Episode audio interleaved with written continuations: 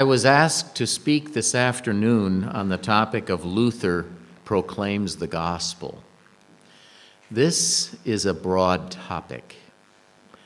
Uh, I have in my personal library at home over 60 volumes of Luther's works. And in every one of them, it is Luther's intention to promote the correct understanding of the gospel. Obviously, we cannot cover it all today. So I thought I would narrow the topic down a bit and look at how Luther's understanding of the gospel shaped his theological views in just one area. Uh, I had originally intended to do two areas uh, church and ministry and the Lord's Supper, but I think even that is too broad.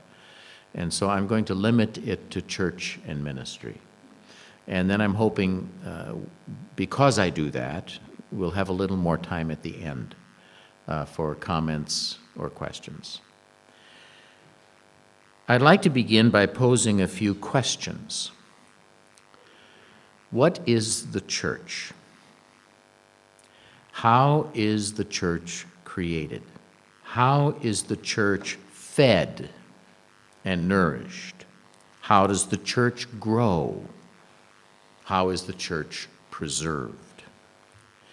These are extremely important questions, as we shall see if we want to understand the nature of the preaching ministry or the office of pastor as an office that has been created by God for the specific purpose of serving Christ's church. And of course, as we consider these questions, I want to focus particularly on the teaching of Martin Luther. But uh, I think it would be in order to have a bit of an introduction before we reach Luther's words. Let's deal first of all with some questions. What is the church? All of us here today know what the church is. The knowledge is fairly basic, and it's not particularly difficult to understand. In fact, our Lutheran confessions say in Article 12 of the Smalcald Articles, written by Luther, Thank God, even a seven year old child knows what the church is, namely, holy believers and sheep who hear the voice of their shepherd. And how are these believers made? How is this church created? Again, the Smalcald Articles answer. In these matters which concern the external spoken word, we must hold firmly to the conviction that God gives no one his spirit or grace except through or with the external word. So that would provide another answer to the question that was asked of you earlier about the possibility of revelation still today uh, Smalcald Articles seem to speak pretty clearly to that. The Word of God, the gospel and the sacraments, the means of grace, are alone that which creates the church and causes it to grow. How is the church created? How does the church grow? How is the church preserved? Every Lutheran who has been confirmed in an Orthodox Lutheran congregation already knows the answer to these questions. The Word of God gives birth to the church. The Word of God nourishes the church. The Word of God strengthens the church. The Word of God preserves the church. The Word of God sustains the church to the end.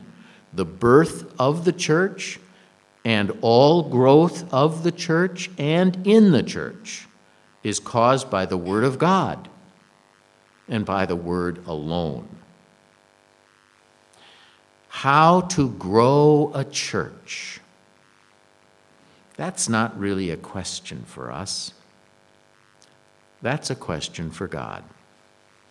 And God has already answered the question as the rain comes down from heaven and the snow, and do not return there, but water the earth and make it bring forth and bud, that it may give seed to the sower and bread to the eater, so shall my word be that goes forth from my mouth. Isaiah 55, 10 to 11. The Spirit grows the church through the Word.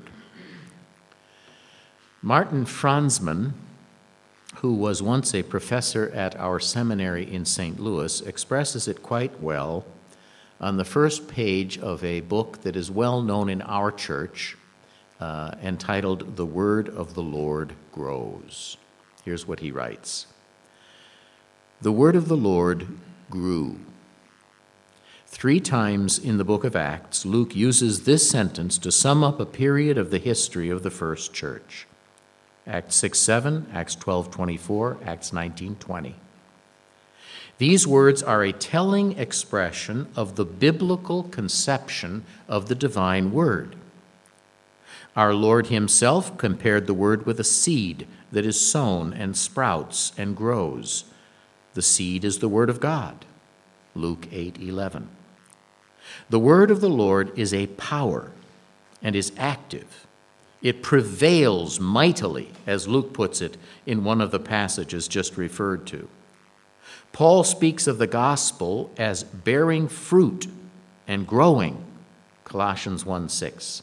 And Peter speaks of the living and abiding word of God as an imperishable seed, 1 Peter 1 23. Yeah, that's the end of the Franzmann quote. The New Testament only knows of one means of growth the means of grace. Kurt Marquart a longtime professor at our seminary in Fort Wayne, asserts this same truth in one of his books. According to Marquart, there are shepherds who feed, and there are sheep who are fed, but the food is always the same the gospel. Marquart writes The watershed issue is this Is there in Christ an objective treasure store of forgiveness, life, and salvation to be offered, pressed upon, and actually handed out to needy sinners in preaching, absolution, baptism, and in the supper of the Lord's own most holy body and blood? If the answer is yes, then these holy means of salvation will absolutely shape and dominate the church's whole life, worship, and mission. On the basis of this understanding of the church, how it is born, how it grows, how it is preserved, I'd like to talk about some misperceptions today in regard to church and ministry, which I think are damaging our understanding of God's grace and our unity in the church. And these misperceptions, I think, to a great degree are coming out of the so called church growth movement. Number one, the first conception, the first misconception, is in the area of what we might call church growth. How does the church grow? Many today appear to believe that the church is growing when numbers are added to congregations. When a congregation grows from 200 to 800, that is seen as church growth. But to determine that the church has grown, simply because there are more warm bodies in a building than there used to be, is indicative of a bad understanding of what the church is, namely, sheep who have heard the voice of their shepherd. To hold the position that God's church has grown simply because more people are in a given place at a given time than were formerly in that place at that time is to understand, com- misunderstand completely the nature of the church itself. or at least it is to misunderstand the distinction between the visible church and the invisible church. God's church, the body of Christ, is born of and grows and lives only from the Word of God, the gospel.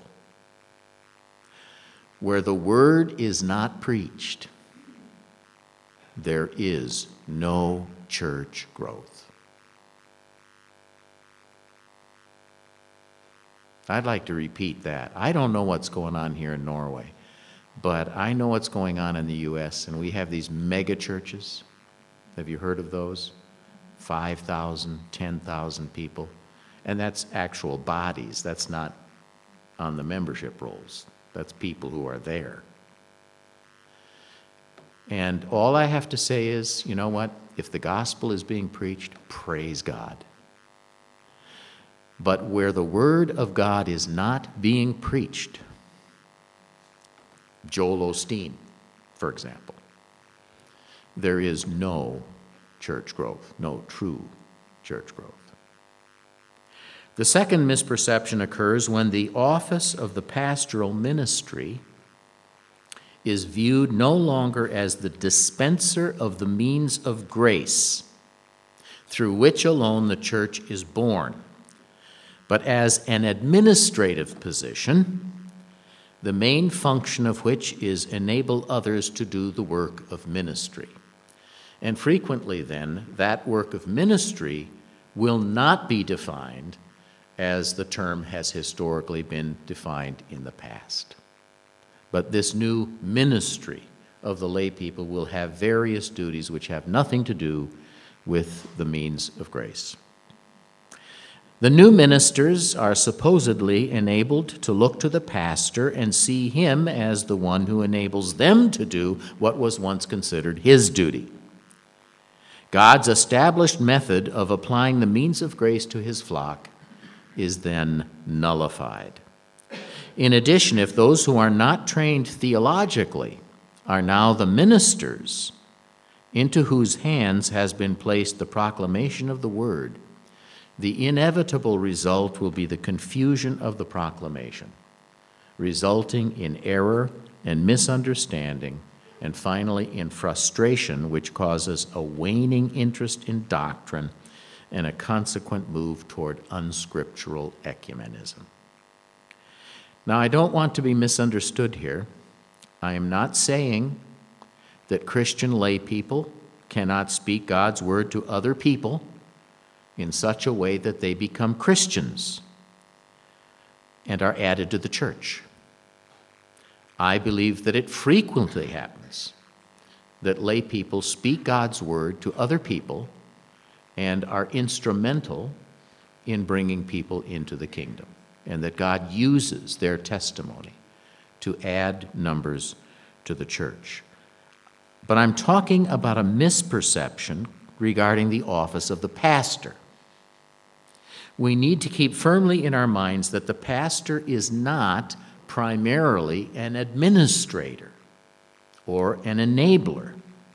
He is primarily a shepherd whose duty is to feed the sheep, and this feeding t- takes place when he proclaims the gospel and administers the sacraments. I am also not saying that every pastor is faithful in the carrying out of his pastoral duties. We all know this is not the case. We call a pastor faithful if he preaches the Word of God, and unfaithful if he does not. Unfaithful if he changes the message or simply preaches what is on his mind.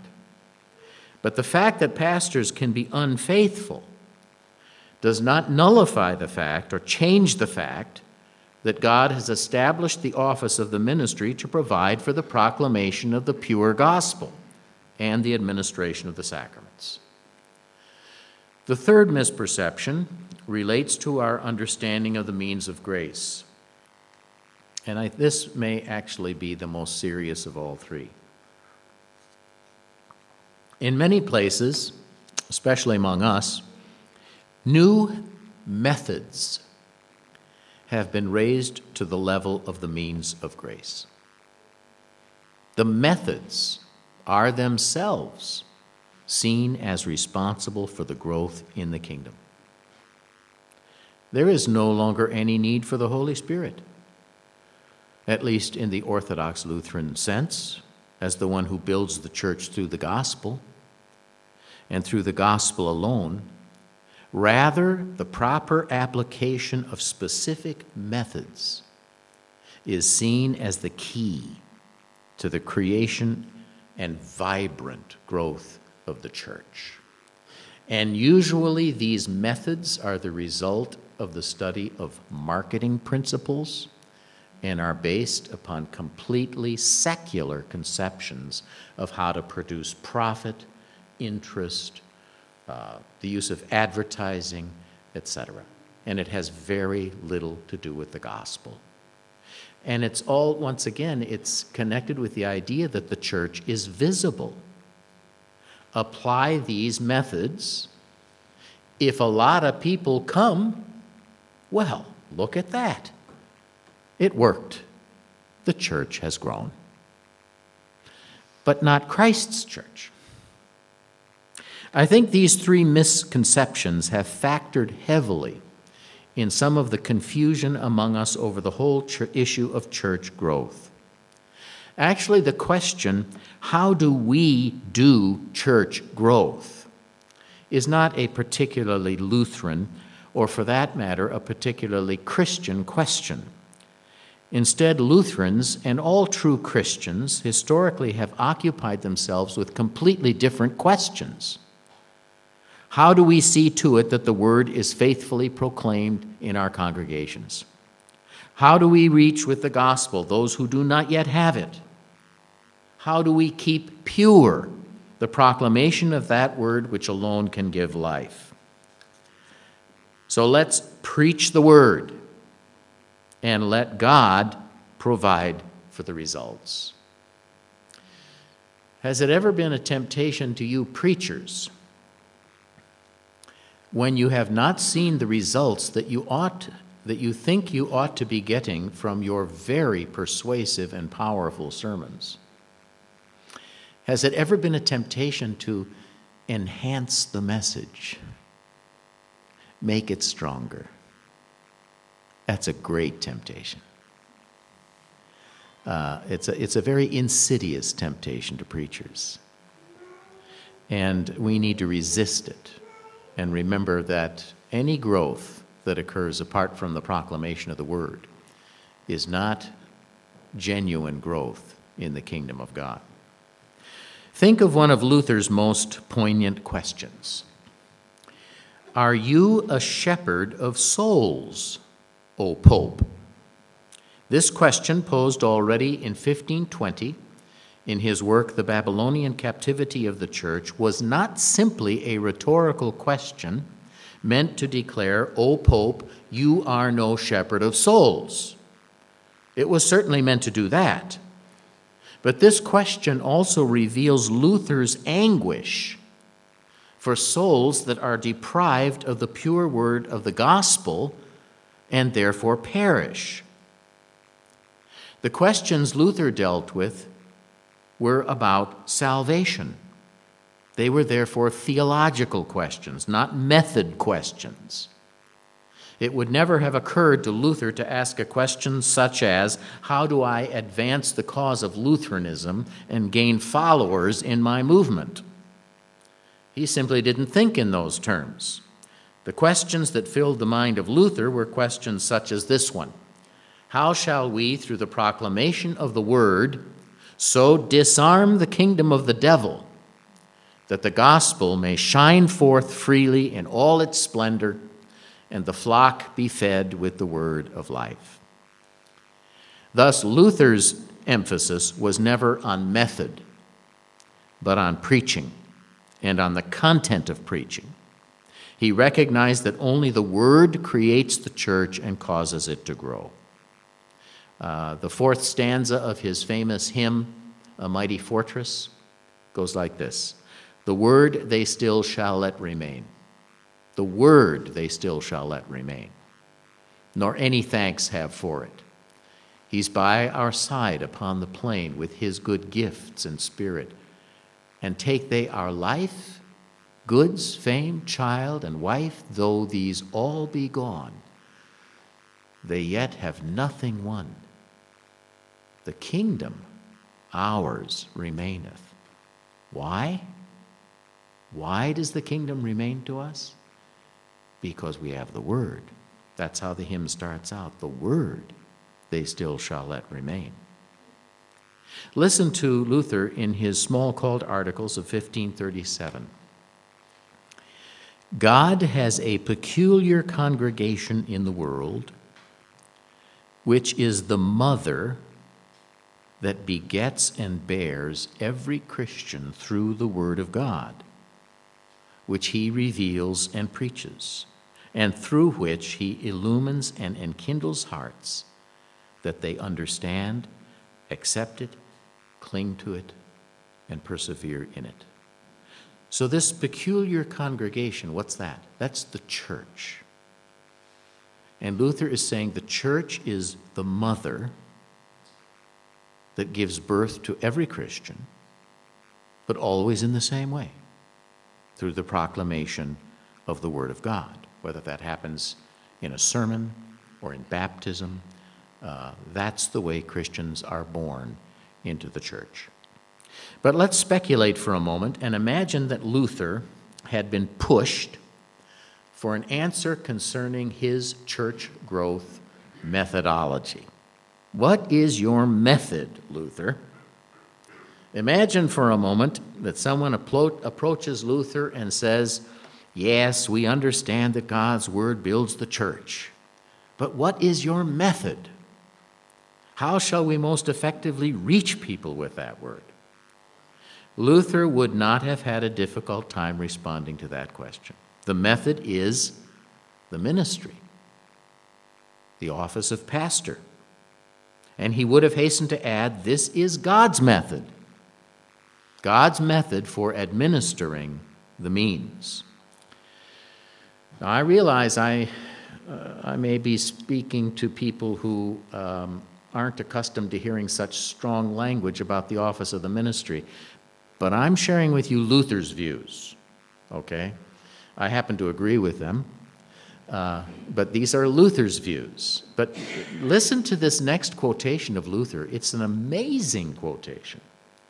Uh, because, uh, you know, in, in some countries, Norway, I think, is one of them, America is certainly another, uh, sometimes the church suffers from a very low view of the office of the ministry. Luther had a very high view of the office of the ministry, which is rather an amazing thing in view of the fact that his whole life was spent doing battle against what? The hierarchy, the clerical hierarchy, or the ministry of the Roman Catholic Church. Nevertheless, Luther does not throw out the baby with the bathwater. Do you have that expression? Yeah. He maintains the true doctrine about the office of the ministry while condemning the mass priests and uh, other aspects of the papal system.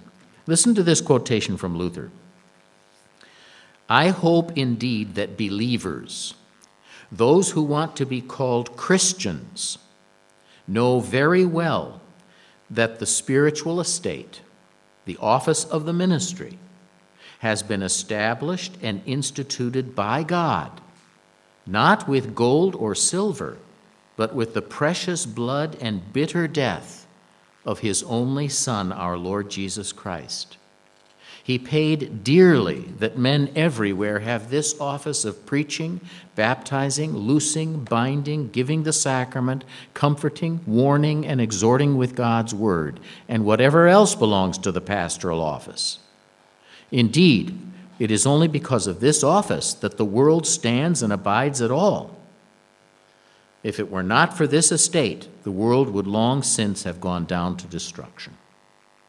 End of Luther quote. As far as Luther is concerned, the feeding of the flock and therefore the growth of the church takes place only when God's word is preached.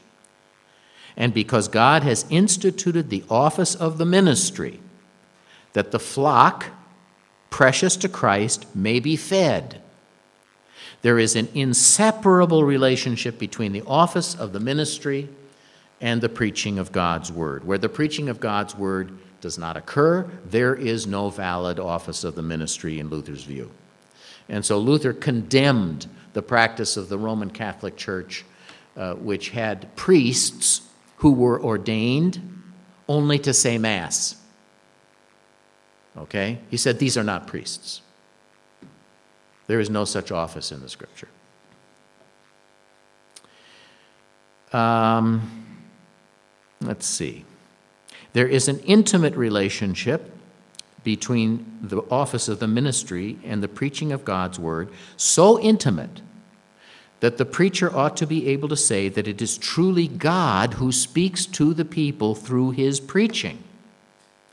And so the faithful pastor must be able to say, as Luther does, and I quote, Whenever you hear me, you hear not me, but Christ. I do not give you my baptism, my body and blood. I do not absolve you. In other words, Jesus is giving you all these things through me. But he that has an office, Luther says, let him administer that office in such a way that he is certain that it comes from God and does everything according to the Word of God, not according to our will.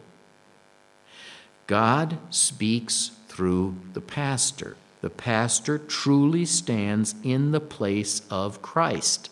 And because God loves the sheep, Luther says about the pastors, quote, it is their duty to tend his sheep and give them pasture. Therefore, to give pasture is nothing else than to preach the gospel, by which souls are fed and made fat and fruitful, and that the sheep are nourished with the gospel and God's word. This alone is the office of a bishop. Now, that one I want to repeat again. Uh, look at the pastors in your church and what they do, okay?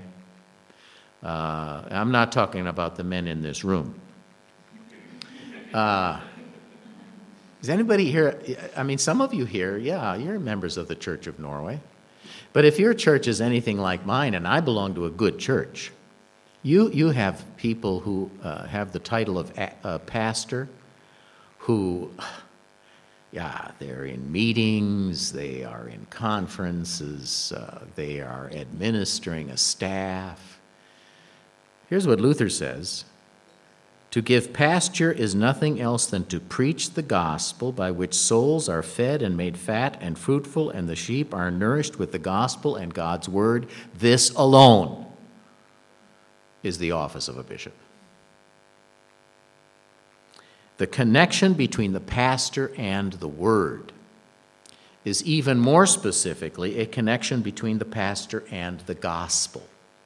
The pastor's preaching must always be focused on Christ.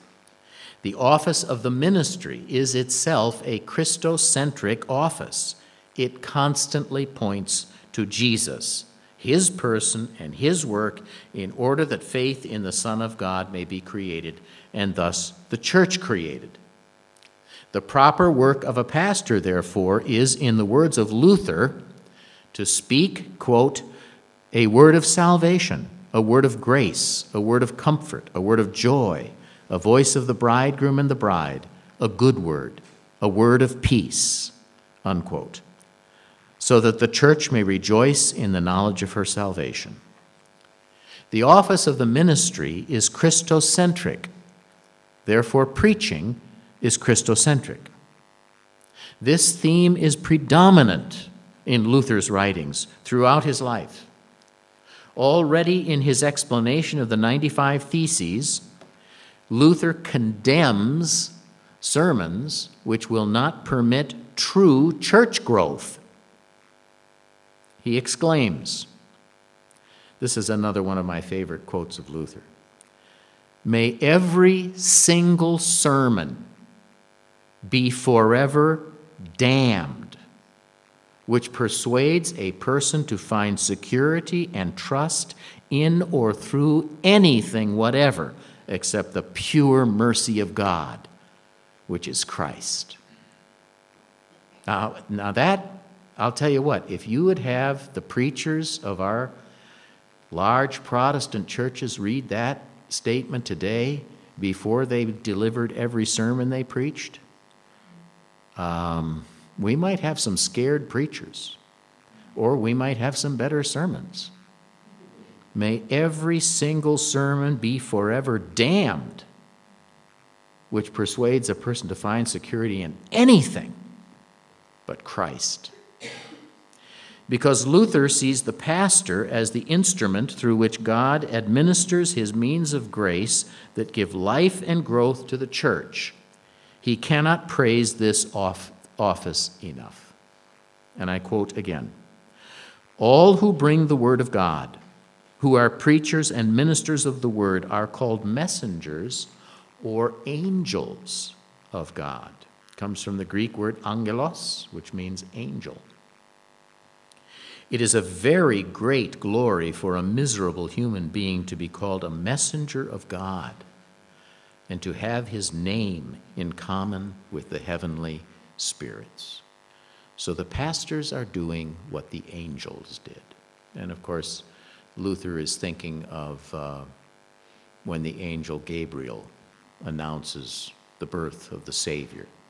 Uh, not angels particularly as providing protection, but angels in bringing the message of God. Now, just um, a bit of information about the Augsburg Confession when it comes to the office of the ministry. Uh, the Augsburg Confession, of course, was written by Melanchthon, and it was prepared very carefully. The fourth article deals with the uh, topic of justification, okay? And ends by talking about the fact uh, that this faith, that this uh, teaching about God's grace in Christ creates faith and that faith saves. All right? The very next article begins with these words To obtain such faith, God instituted the office of preaching, giving the gospel and the sacraments. Through these, as through means, he gives the Holy Spirit who produces faith where and when he wills in those who hear the gospel. It, the gospel, teaches that we have a gracious God not through our merit, but through Christ's merit when we so believe. Also, Martin Chemnitz, one of the great Orthodox Lutherans responsible for the writing of the Formula of Concord, emphasizes that the office of the ministry is to be held in high regard. And I quote One must not think that this is done by human arrangement or only for the sake of order, because God Himself deals with us in the church through the ministry, as through the ordinary means and instrument. For it is He Himself that speaks, exhorts, absolves, baptizes, etc., in the ministry and through the ministry. End of quote. The pastoral office is therefore, in Luther's view, a precious gift of God to the church. He who holds this office can ha- uh, he who holds this office holds the highest office one can have in the church. So it's higher than what we in our church call district president or synodical president. It's an office higher than pope or cardinal or archbishop because it's the office of proclaiming the Word of God, and there is no higher office in the church. It's the highest office because he has the privilege to preach the gospel of Christ with the conviction that the Holy Spirit will use his proclamation to create the church and to nourish, comfort, strengthen, and protect the church. And the office of the ministry or the office of preaching, focused always on Christ, is God's office, used by Him to provide growth to the church through the means of grace by dispensing his word and sacraments and thereby giving birth to the church and keeping her until the time of her final deliverance. But just as the flock is to respect the office of pastor, since it is instituted by God, so the pastors are to love the flock as Christ loved the church and gave himself for it. Luther believes that the faithful pastor loves his flock and is therefore committed in his preaching of the gospel to a tender treatment of the souls of Christ's church. The pastor is not to lord it over the church like a tyrant, because the preaching of the gospel, which is his primary task, is, after all, an absolution, a proclamation of forgiveness to all the world. The gospel cannot be employed as a hammer to beat the church of Christ into subjection. It is preached to comfort, to assure, to strengthen, to encourage. Faith cannot be forced. Therefore, says Luther, I can, draw it, I can drive no man to heaven or beat him into it with a club. The love of a faithful pastor for his flock is seen clearly in Luther himself. In a letter to Elector Frederick in March 1522, Luther speaks of the congregation in Wittenberg as his flock and insists he must return from the Wartburg where he had fled under the ban of the emperor. He defends his return as necessary to protect his fold into which Satan had intruded. Viewing the congregation in Wittenberg as his children in Christ, entrusted to him by God, he insists he cannot abandon them and is willing, if necessary, even to die for them. All this included in his letter to uh, Elector Frederick. The faithful pastor loves his sheep.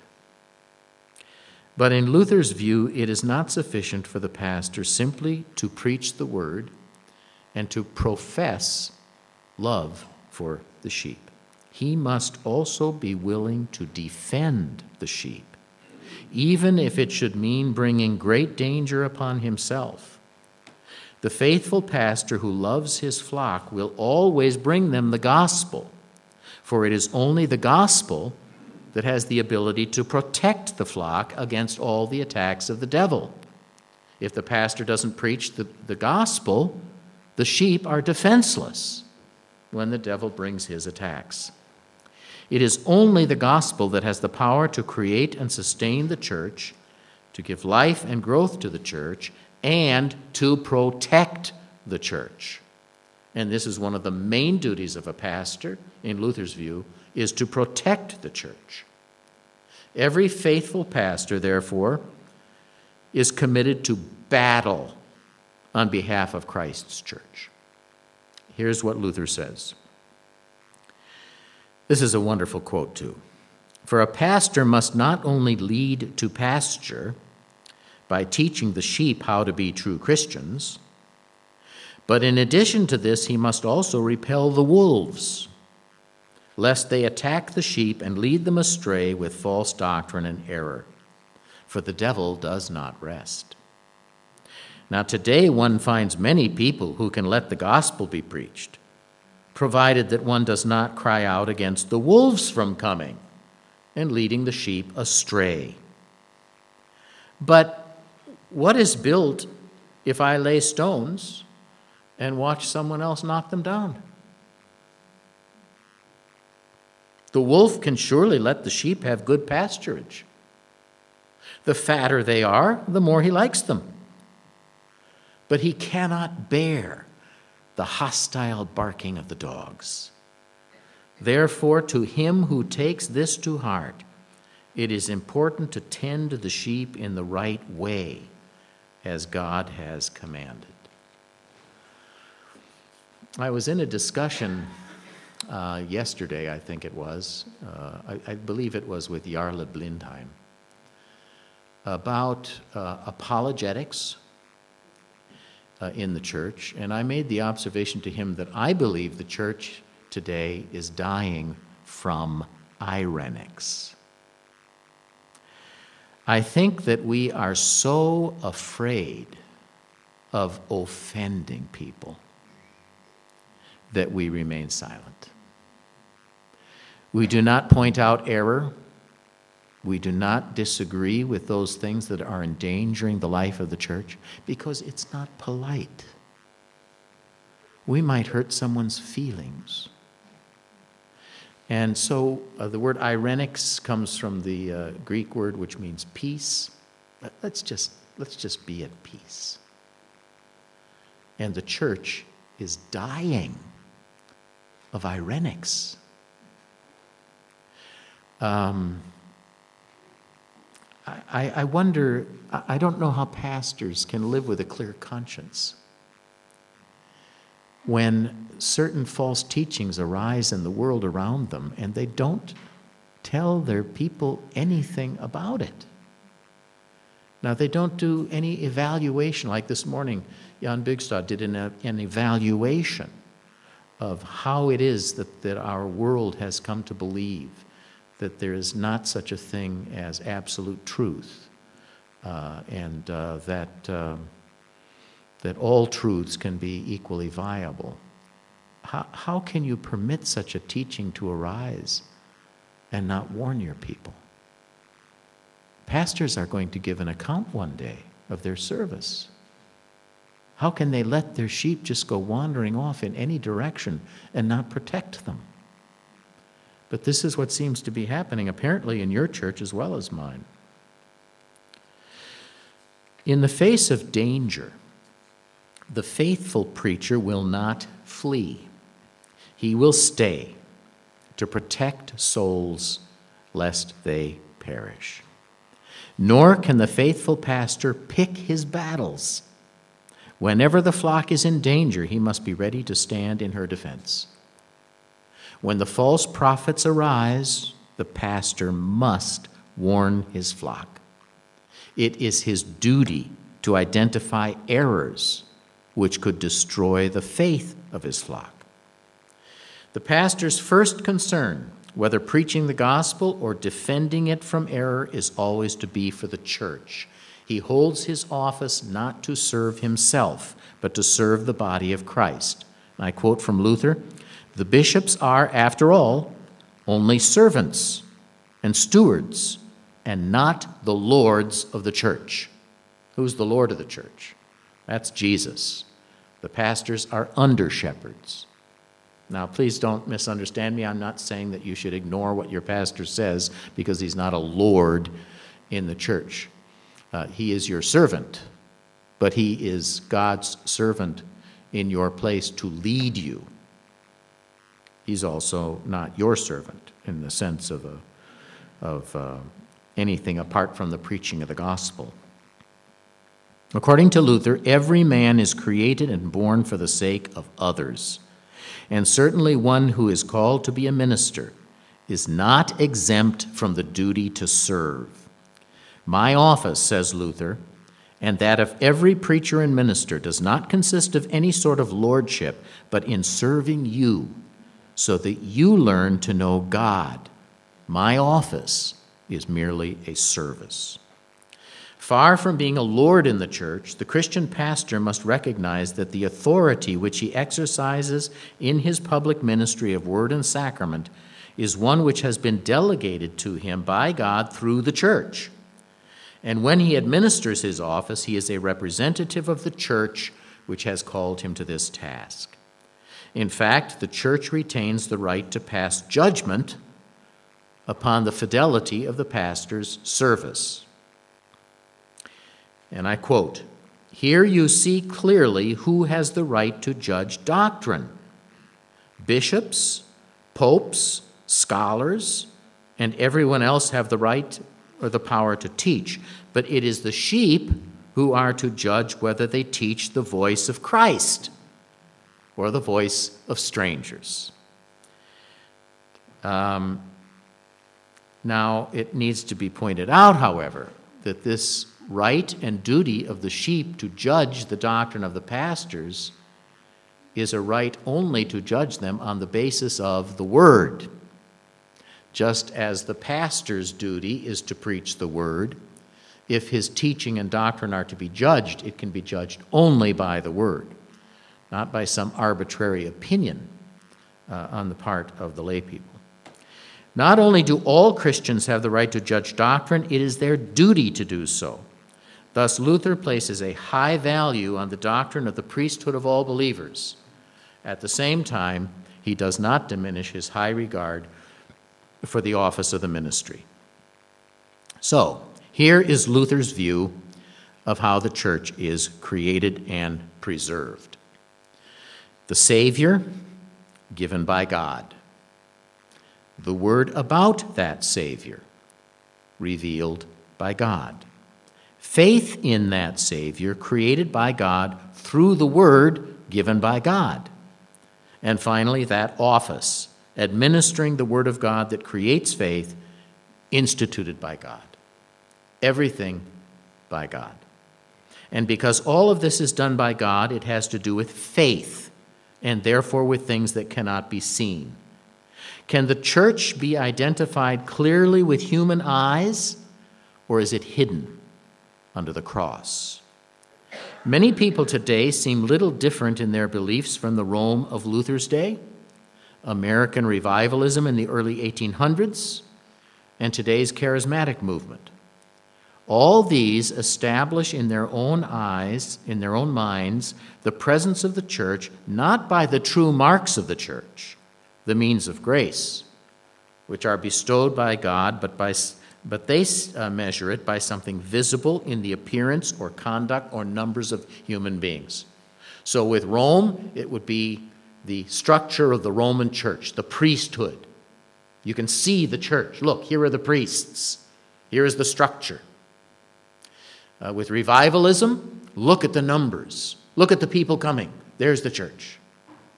Uh, with the charismatic movement, tongues. You speak in tongues. Of course, you're a Christian, you speak in tongues.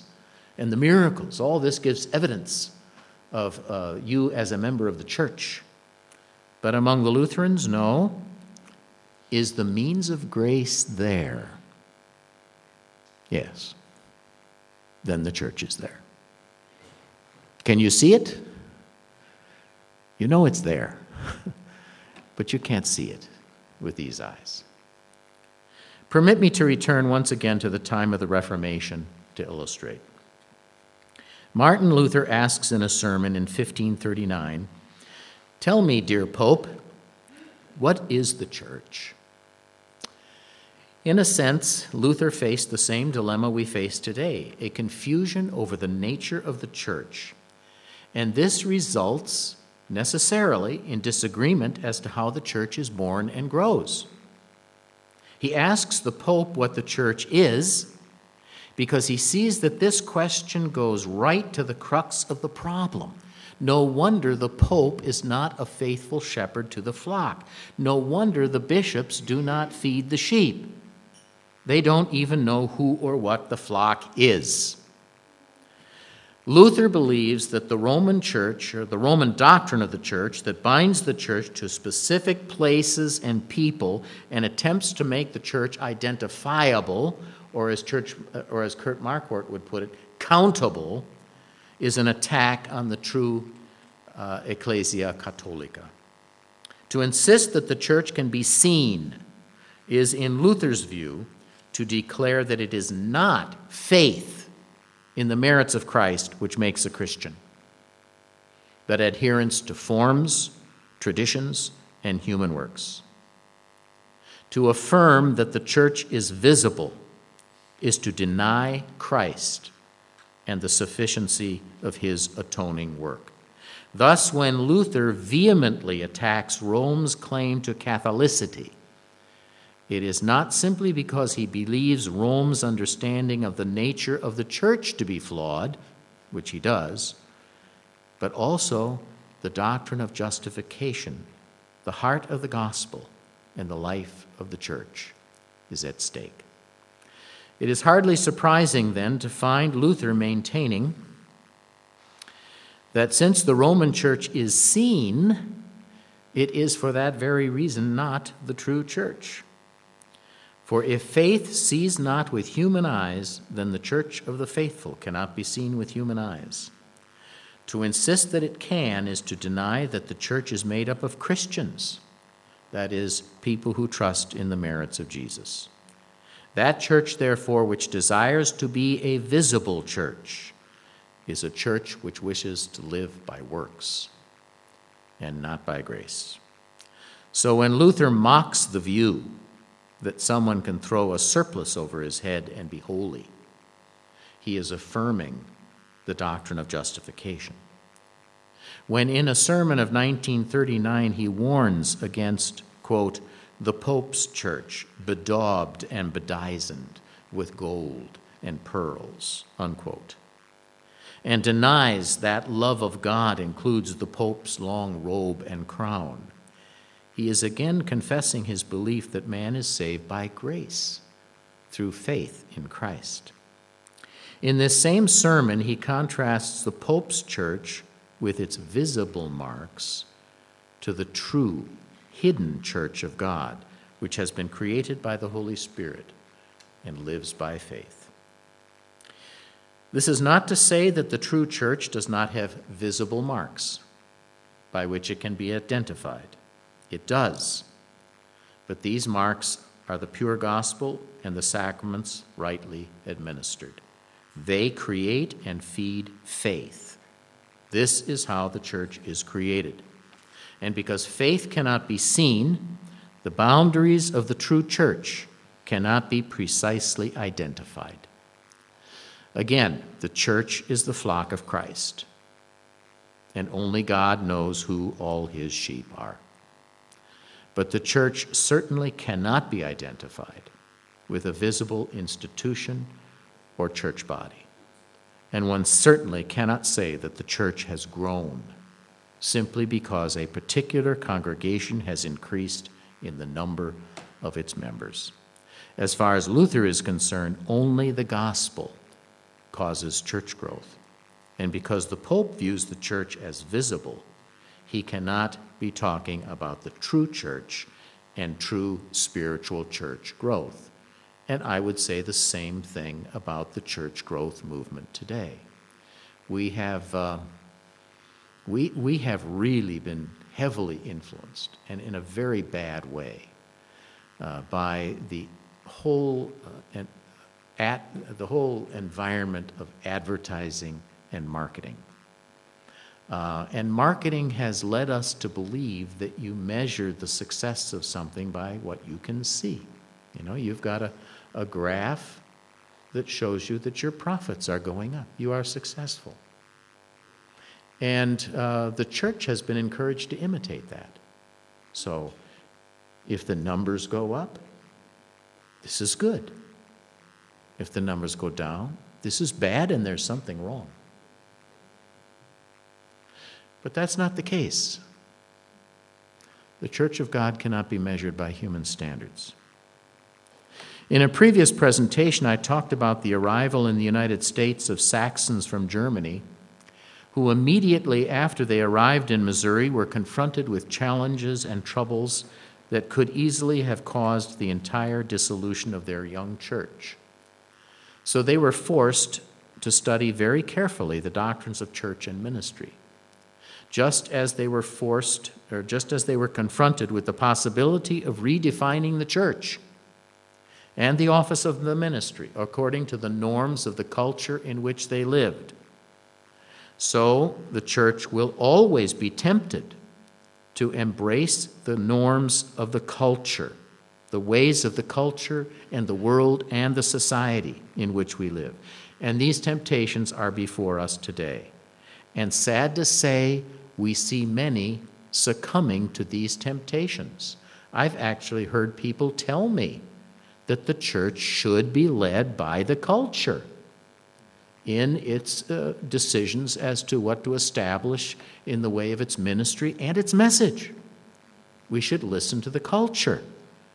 Well, that's actually the problem. The church needs to be countercultural We don't listen to the culture. We should be here to form the culture, not to be formed by the culture.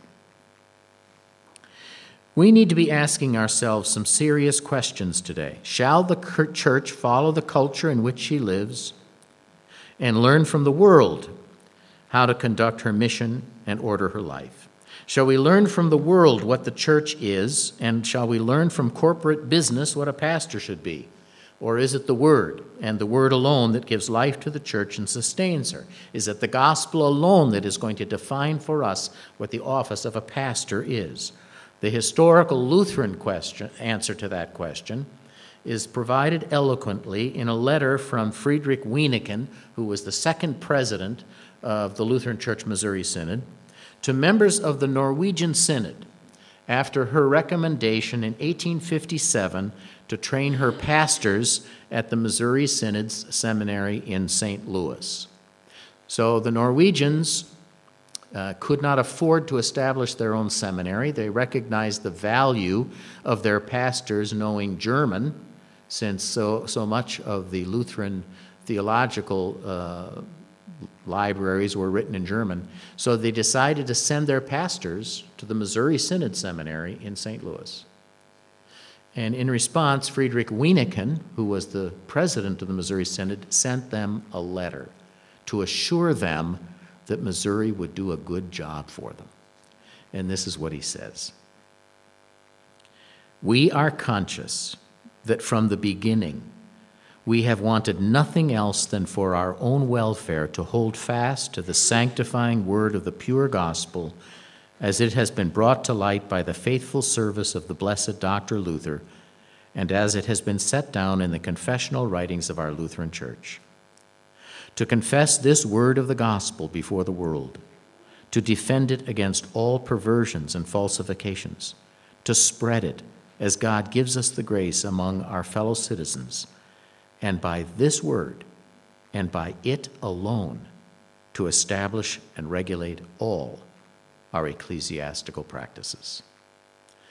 The word and the word alone, specifically the message of the gospel, defines the office of the ministry for Luther. Historically, this has been the case also for Lutheran churches. Unfortunately, this is not the case in all churches that today go by the name Lutheran. When churches today decide to ordain women into the ministry, a decision that conflicts with God's clear word, those churches are no longer being informed by Scripture. When churches decide to ordain homosexuals into the ministry, these churches have decided to defy God's sixth commandment, and they make a mockery of the office of the ministry, whose primary task is to preach the law and the gospel in their purity to the people. How can someone who lives in open defiance of God's law preach God's law properly to the people? Luther's doctrine on the ministry was a view that held the ministry very highly, not because he was in that office but because he believed God had established that office for the benefit of his church. It was an office of service, and in that service, an office to proclaim the gospel and to administer the sacraments rightly in order that God's church might grow and be healthy and be protected. Thank you very much for your attention, especially at this time of the afternoon. and uh, I think we have a little time for comments or questions. Uh, and I would like to say if you, if you don't have questions about what I have just said, if you have questions about any of my previous presentations, that's fine with me.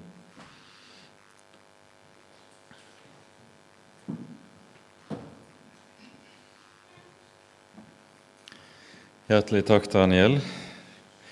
Det er forkynnelsen og tjenesten med forkynnelsen av evangeliet som konstituerer den kristne menighet. Det er den sannhet vi har hørt belyst, og eh, er det ønske om spørsmål, kommentarer, så er det tid for det. Middag er klokken to. Så vær så god. Inge?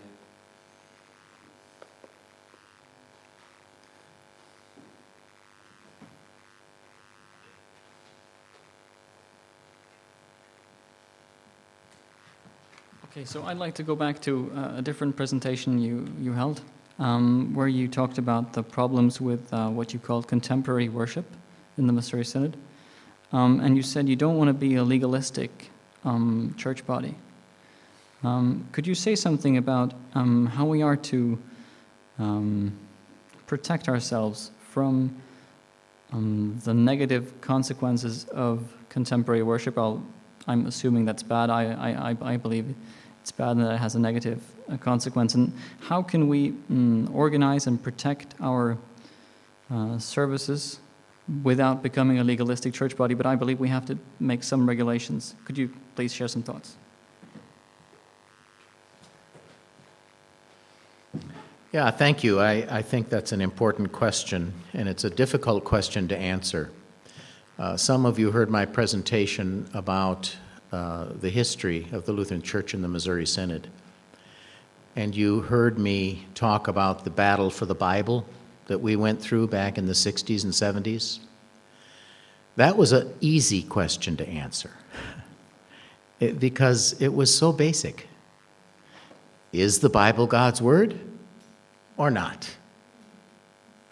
And the majority of our church said it is therefore you may not teach it has errors. It was very, very easy to understand for the lay people.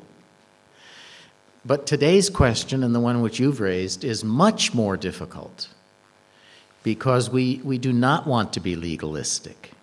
Uh, for example, uh, imagine you have a person in your congregation who's very gifted in the area of poetry, and he writes a hymn. And it's a beautiful hymn and it agrees with God's word in every regard. So you say, ah, no, it's not in the hymnal. We can't use that. I don't think you can take that kind of an approach. But then we have congregations that have taken the liturgy and just thrown it out. And the entire service every week is something brand new that the church has never seen before. And next week, it won't be the same as the previous week. It'll be different every week. So you have what I would call liturgical chaos. So, how do you find the boundary between these two extremes? Uh, I believe that we have a way of doing that in the Lutheran Church Missouri Synod. Um, I don't know what how you deal with it here, but um, the word synod is the Greek word for walking together. And what we do is every once in a while, we, uh, you know, when people start making comments and complaining, our church gets together and writes a new hymnal.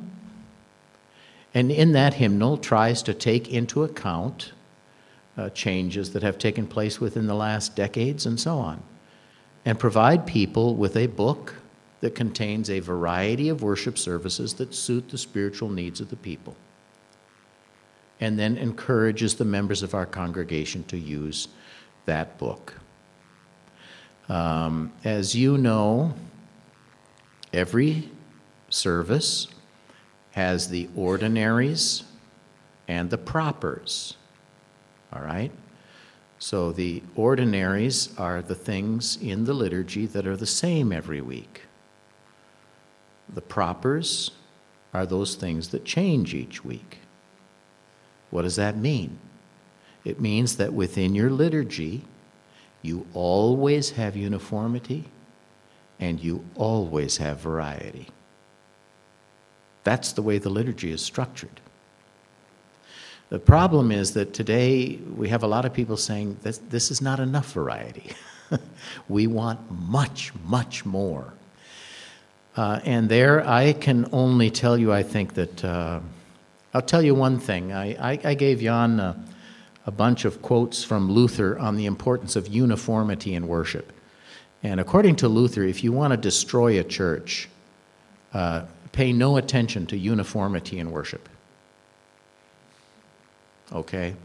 He said it's absolutely necessary to have it if you're going to educate your people properly and to have a unified church. Uh, but I would ad- advise you to have some of your uh, theologians actually study the contemporary services that are being used in churches around Norway. And uh, I think you will be I think you will probably be surprised at what you find. I think what you will find is that there is a heavy influ- influence by the Pentecostalists on this contemporary worship. And I think you will find that there is a heavy influence, or there is a heavy emphasis on the first article of the Creed. And it will be not so much, yeah, well, it'll be how, one, how wonderful God is, and how we praise Him, and how we love Him, and how, what great things He has done. Uh, but in the services I've seen in the United States, the second article, which is the article, of course, about salvation, uh, is almost completely absent from most contemporary worship services.